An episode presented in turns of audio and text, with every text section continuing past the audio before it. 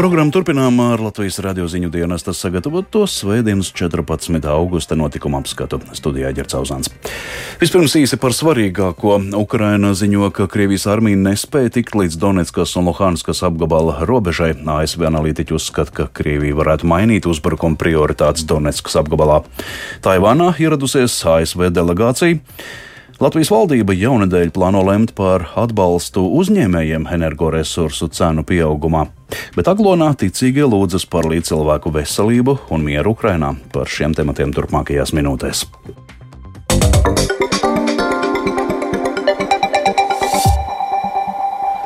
Ukrainas varas iestāžu pārstāvji izteikušies, ka Krievijas armija joprojām nespēja gūt panākumus Donetskas un Luhanskas apgabala robežas tuvumā. Pēc Lisičānskas un Severdonetskas ieņemšanas Krievijas militāra personas mēģināja turpināt ofensīvu Bahmuts un Severskas pilsētu virzienā, taču līdz šim tajās nav izdevies gūt ievērojamus panākumus. ASV bāzētās domnīcas kara pētījuma institūts analītiķi vēsta, ka Krievijas karaspēks varētu mainīt uzbrukuma prioritātes Donetskas apgabala ziemeļaustrumos, lai novērstu Ukrainas bruņoto spēku uzmanību no pretuzbrukuma Krievijas spēkiem Ukrainas dienvidos. Plašāk stāsta Rihards Plūme. Ukrainas puse vēsta, ka vislielākos zaudējumus pēdējās dienas laikā Krievi cietuši Donetskas virzienos, kā atzinas Luhanskas apgabala administrācijas vadītājs Serhijs Haidejs. Pēc diezgan ātras Lisičānskas ieņemšanas ienaidnieks nevar pārvarēt attālumu, kas ir mazāks par šīs pilsētas teritoriju. Līniju obroni. Pēc viņa teiktā, katrs nākamais kilometrs tiek iekarots pēc ievērojamiem zaudējumiem. Haideja rakstītais vietnē Telegram sakrīt ar Ukrainas bruņoto spēku ģenerāla štāba svētdienas kopsavilkumā minēto par notikumiem frontē. Vairākās vietās okupantu uzbrukumi cietuši neveiksmi. Krievijas armija neveiksmīgi mēģinājusi iebrukt arī Donetskas lidostas rajonā esošajā Pīsku ciemā. Uzbrukumi ciemam notiek bieži, lai gan Krievijas aizsardzības ministrija paziņoja, ka ir pilnībā pārņēmusi kontroli pār ciemu, tomēr svētdien Britu militārā izlūkdienesta ziņojumā teikts, ka kaujas tur visticamāk turpināsies. Kā norāda ASV bāzētās domnīcas Baznīcas kara pētījuma institūts analītiķi, Krievijas uzbrukumi austrumos varētu būt mēģinājums atvilināt Ukraiņu tehniku un dzīvo sastāvu uz Donetskas apgabala ziemeļa austrumiem. Tas varētu tikt darīts ar mērķi novērst Ukrainas armijas uzmanību no kritiskajiem rajoniem dienvidos, kur Ukrainas karaspēks īsteno iedarbīgus pretuzbrukumus. Dienvidos naktī atkal veikti raķešu uzbrukumi Krievijas karaspēka okupētajam Antonivkas tiltam pār Dņepru Hersonā.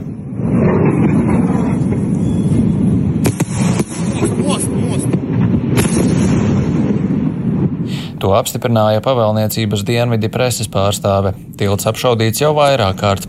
Ukrainas spēki ir sabojājuši kopumā trīs tiltus pār Ņepras upi, liedzot iespēju Krievijas karaspēkam pārvietot spēkus.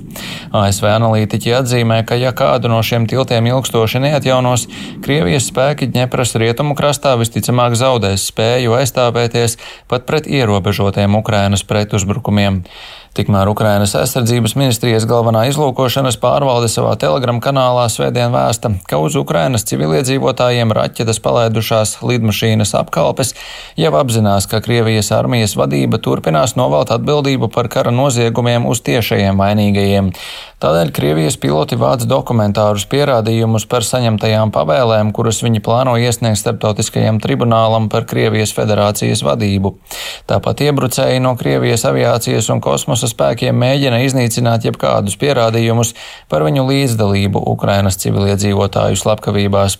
Piedāvājot kukuļus, okupanti mēģina izņemt informāciju par sevi no dokumentiem. Rihards Plūme, Latvijas radio. Taivānā ieradusies Amerikas Savienoto Valstu kongresa delegācija. Tā ieradusies Taivānā vien dažas dienas pēc tam, kad Ķīna ap salu sarīkoja militārās mācības, atriebjoties par ASV pārstāvju palātas spīkeras Nensijas Pelosi vizīti.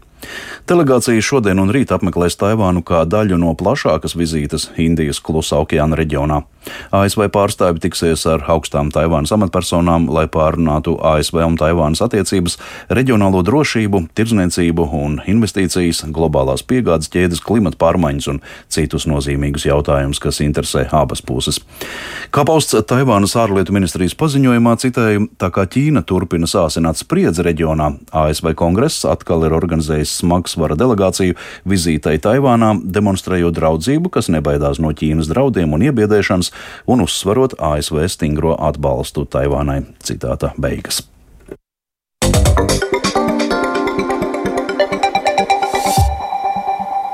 Šodien un rīt Aglonā norisinās vissvētākās jaunavas Marijas debesīs uzņemšanas svētki. Ik gadu šie svētki pulcē tūkstošus ticīgo.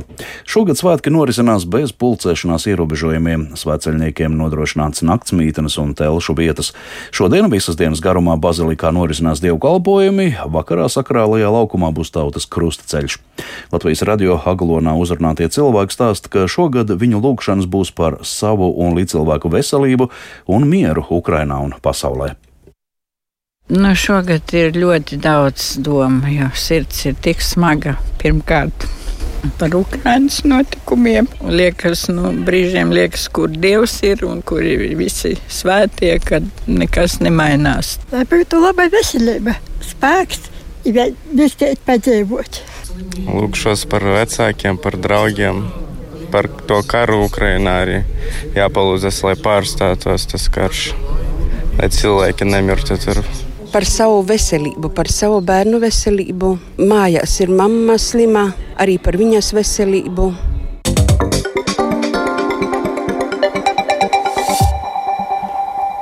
Jaunadēļ valdība plāno lemt par atbalstu uzņēmējiem energoresursu cenu pieaugumā, taču pirms tam šajā nedēļā gaidām diskusijas saimas vēlēšanas, kā var nesolīt, kur apskatīs partiju solījumus gaidāmajās vēlēšanās no dažādu nozaru skatu punkta. Risinājumus energoresursu sadārdzinājumam piedāvā visi vēlēšanu kandidāti. Par šiem un citiem gaidāmajiem notikumiem plašāk Linda Spundiņa. Pirmdien turpinās lielākais katoļu baznīcas Latvijā rīkotais pasākums, kas katru gadu aglonā pulcē tūkstošiem cilvēku. Visvētākās jaunavas Marijas debesīs uzņemšanas svētki. Jau no paša rīta paredzētas mises gan latgaliski, gan arī poliski. Svētku galvenā svētā mise būs pulksten 12. Tajā plānot arī Latvijas valsts prezidenta uzrunu un valsts himnas atskaņošana. Pūksteni trijos svētki noslēgsies. Pirmdien Rīgas apgabala tiesa apelācijas kārtībā turpina izskatīt Zeltūdas traģēdijas kriminālu lietu, kas šajā instancē tuvojas noslēgumam. Pavasarī pabeigta ilgi gaidītā dažādu dokumentu tehniskā ekspertīze. Tā sagatavot pēc iepriekš par vainīgu atzītā apsūdzētā ēkas būva inženiera Ivar Sergeta lūguma. Tomēr lielu skaidrību ekspertīze neviesa. Valsts apsūdzības uzturētājs prokurors Kaspars Cakuls norādīja, ka secinājumi lielākoties ir skaidri, tomēr nepilnībā lai izslēgtu jebkādas divdomības un šīs neskaidrības iespējamās. Tāpēc mēs arī lūdzām šo eksperta klātbūtni, jo mums ir jautājumi ekspertam tieši par ekspertīzes veikšanas gaitu un uh, šiem izdarītiem secinājumiem. Vienam secinājumam mums ne līdz galam ir šī būtība skaidra. Tāpēc 15. augusta sēdē izvaicās ekspertīzes autori. Vēl šajā dienā gaidām diskusiju viedokļu rings saimas vēlēšanas, kā var nesolīt, kurā eksperti vērtē politisko partiju un apvienību priekšvēlēšanu programmas saimas vēlēšanās un paraudzīsies no dažādu nozaru skatu punktu uz partiju piedāvātiem solījumiem un to iespējam realizēt. Diskusiju varēs vērot biznesa augstskolas turība Facebook tiešraidē. Bet otrdien valdība plāno lemt par atbalstu uzņēmējiem energoresursu cenu pieaugumā. 17. augustā notiks diskusija dzelzceļš vai autotransports kravu pārvadāšanai, kas ir sabiedriski izdevīgāk. Diskusijā meklēs atbildes kravu pārvadājumu attīstībai nozīmīgiem jautājumiem. Bet ceturtdien Latvijas Nacionālajā bibliotēkā 4. māja deklarācijas klubs rīko konferenci Nauda Latvijā no neatkarības atjaunošanas līdz mūsdienām. Šajā pašā dienā Likteņdārzā svinīgi atklās jaunu celto sajietu namu, ēku, kas būs viens no centrālajiem objektiem dārzā un kļūs par jaunu kultūras un sabiedriskās dzīves centru visā aizkrauklas novadā. Savukārt nedēļas nogalē, 20. augustā, svinēsim Rīgas 821. dzimšanas dienu. Linda Spundiņa, Latvijas radio.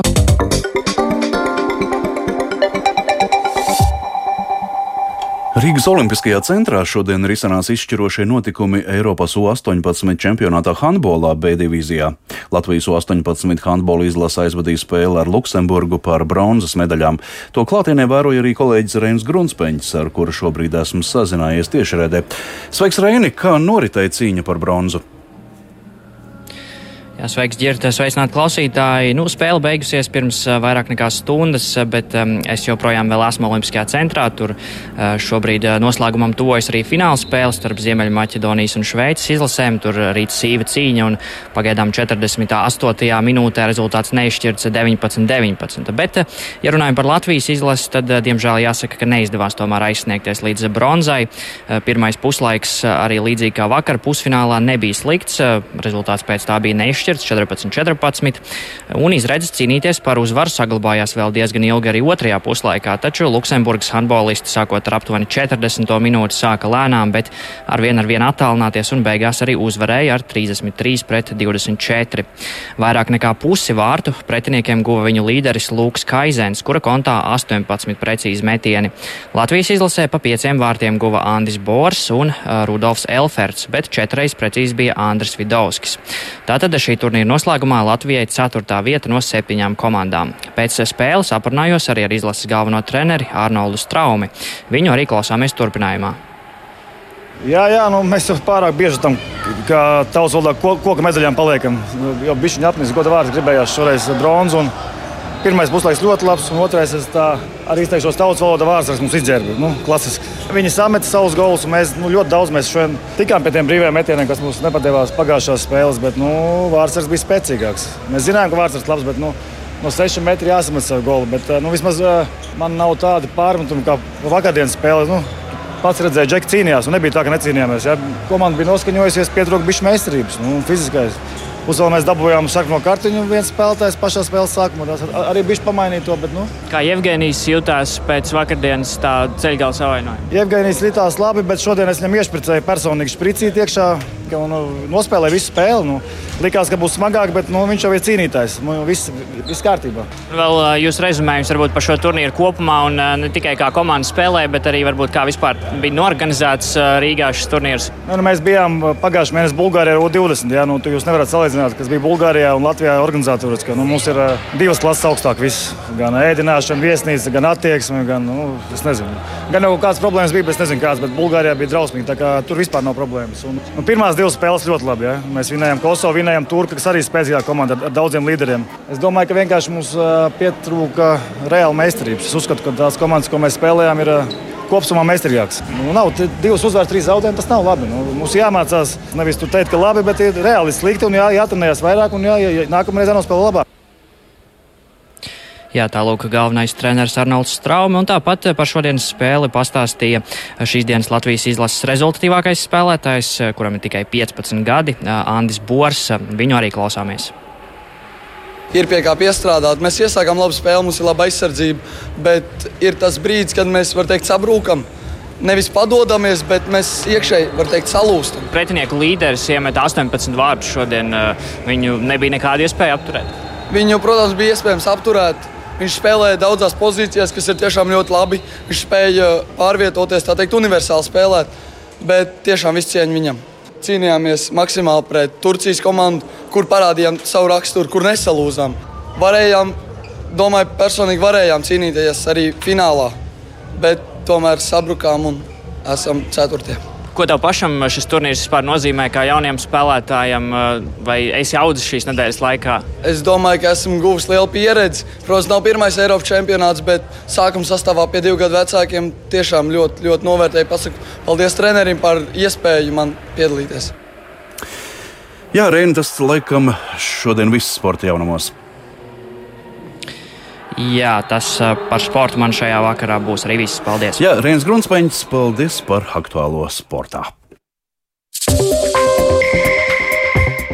Līdz ar to arī izskan Svētdienas 14. augustā notikuma apskats. Producents Viktors Pupiks par labskaņu rūpējās Rīta Karneča un Huldis Grīnbergs studijā Ģercauzāns. Vēl par svarīgāko Ukraina ziņo, ka Krievijas armija nespēja tikt līdz Donetskas un Luhanskas apgabala robežai. ASV analītiķi uzskata, ka Krievijas karaspēks varētu mainīt uzbrukuma prioritātes Donetskas apgabalā. Taivānā ieradusies Amerikas Savienoto Valstu kongresa delegācija. Latvijas valdība jaunadēļ lems par atbalstu uzņēmējiem energoresursu cenu pieaugumā, bet aglonā ticīgie lūdzas par līdzcilvēku veselību un mieru Ukrainā. Mūsu ziņām var sekot līdzi arī Latvijas Radio 1 Facebook lapā. Yeah.